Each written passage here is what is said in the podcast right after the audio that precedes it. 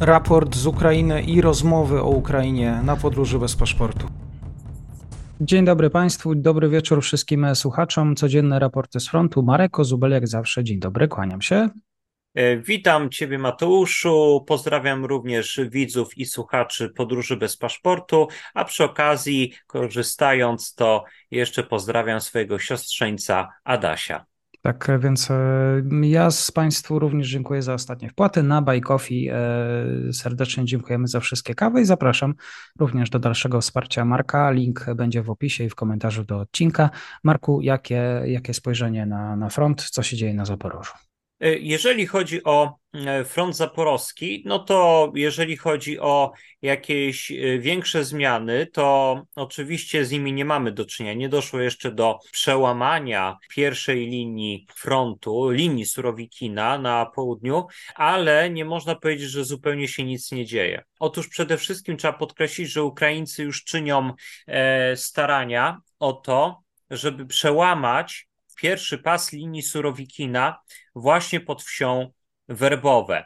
E, I już się pojawiają doniesienia o tym, że Ukraińcy pojawiają się co jakiś czas na zachodnich obrzeżach tej wioski. E, chodzi oczywiście o obrzeża terenu zabudowanego. E, I tym samym niekiedy przechodzą nawet ten pas wyłożony tak zwanymi piramidkami Faberże, jak to się wyrażał Igor Girkin, znany również pod pseudonimem Striełkow. On się oczywiście wyrażał no, z takim sarkazmem e, o akurat tym elemencie e, rosyjskich umocnień. E, w każdym razie Ukraińcy e, można powiedzieć, że są bardziej w trakcie przełamywania tej linii, a nie, że już ją przełamali, bo przełamaniem nie jest przejście powiedzmy e, jednej linii okopów.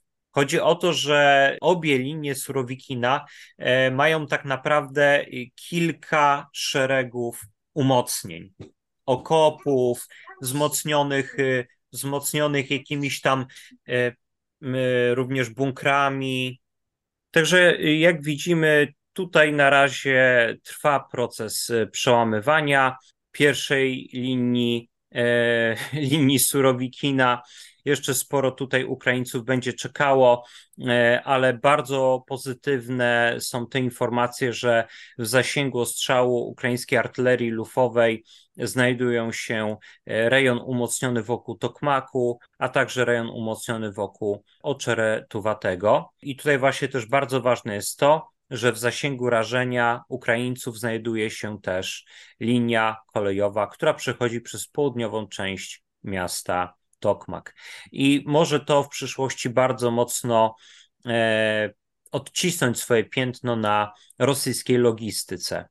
E, warto też wspomnieć o tym, że Ukraińcy w ostatnich dniach przeprowadzili e, szereg ataków na okupowany Półwysep Krymski. Znowu zaatakowano Ołeniwkę, która się znajduje na tym tutaj półwysepku już drugi atak na y, ten rosyjski garnizon. E, tylko, że tym razem już y, nie mieliśmy do czynienia z akcją wykonaną przez y, komandosów, już nikt tutaj nie lądował w tym miejscu, tylko bardziej możemy powiedzieć o ataku dronami. Atakowano również rosyjską bazę wojskową w Teodozji, a także donoszono o eksplozjach w Dżankoj i Krasnoperekopsku. Ciekawostka, już y, drugi też dzień z rzędu dochodzi do wybuchów i pożarów w Mariupolu. Dzisiaj płonął jeden z budynków, które zaadaptowano na rosyjskie koszary. Jeżeli chodzi o pozostałe y, odcinki, to trochę się zaczyna dziać pod Bachmutem. Ukraińcy zaczynają znowu zyskiwać teren w ruinach Kliszczyjówki. E, udało im się również oskrzylić e, wieś Andriiwkę, a także osiągają pewne niewielkie postępy pod Kurdiumiwką i Ozarianiwką. Także na południe od Bachmutu e, zdecydowanie Rosjanom źle się dzieje. Front stoi za to na północ od miasta. Rosjanie z kolei atakują bardzo mocno wieś Biłochorivka blisko rzeki Doniec. E, ale tutaj powodzenia nie mają. Jeżeli z kolei chodzi o odcinek słobożański, to Rosjanie w zasadzie y, w ciągu ostatnich kilku dób osiągnęli tylko dwa bardzo niewielkie, skromne sukcesy. Jednym było nieznaczne przesunięcie linii frontu w lesie syrybrańskim. Ja nie bez powodu teraz przybliżyłem mapę, bo pozwolę sobie pokazać, jak y, w zasadzie te postępy rosyjskie wyglądają, jakie są wielkie. Tak wyglądała sytuacja stanem na 29 sierpnia, a tak właśnie linia frontu się przesunęła stanem na dzień 30 sierpnia. To są właśnie postępy Rosjan w lesie serebrańskim, a co do e, tutaj odcinka znajdującego się w pobliżu Kupiańska, to Rosjanie wyrównują linię frontu e, i tutaj nieco się przesuwają do Synkiwki i Petropawliwki. Aczkolwiek wczoraj pojawiło się doniesienie o tym, że Ukraińcy nieco odepchnęli tutaj Rosjan. I warto jeszcze wspomnieć o jednej rzeczy. Ostatnio Rosją i Rosjanami zarazem wstrząsnęły informacje o ukraińskich atakach, między innymi na lotniska e, wojskowe. I o ile o ataku na lotnisko w obwodzie kurskim, pod Kurskiem, samym miastem obwodowym, to zdaje się już opowiadałem mhm. e, w podróży bez paszportu, e, to tutaj ostatnio doszło do bardzo ciekawego ataku pod miastem Psków. Otóż pod Pskowem znajduje się baza lotnicza, e, w której Rosjanie mają między innymi samoloty transportowe. Między innymi są to Ił-76.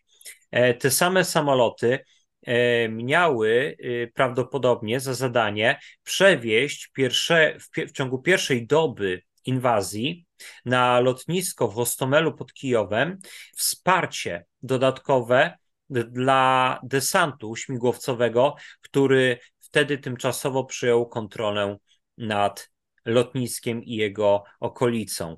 E, no, wtedy okazało się jednak ostatecznie, że e, ten desant nie został zrealizowany e, i samoloty po prostu prawdopodobnie wysadziły e, desant i jego e, wyposażenie na terenie Białorusi, a stamtąd rosyjscy żołnierze WDW udali już się drogą lądową pod Kijów. Także w każdym razie, wracając do tego ataku pod Pskowem.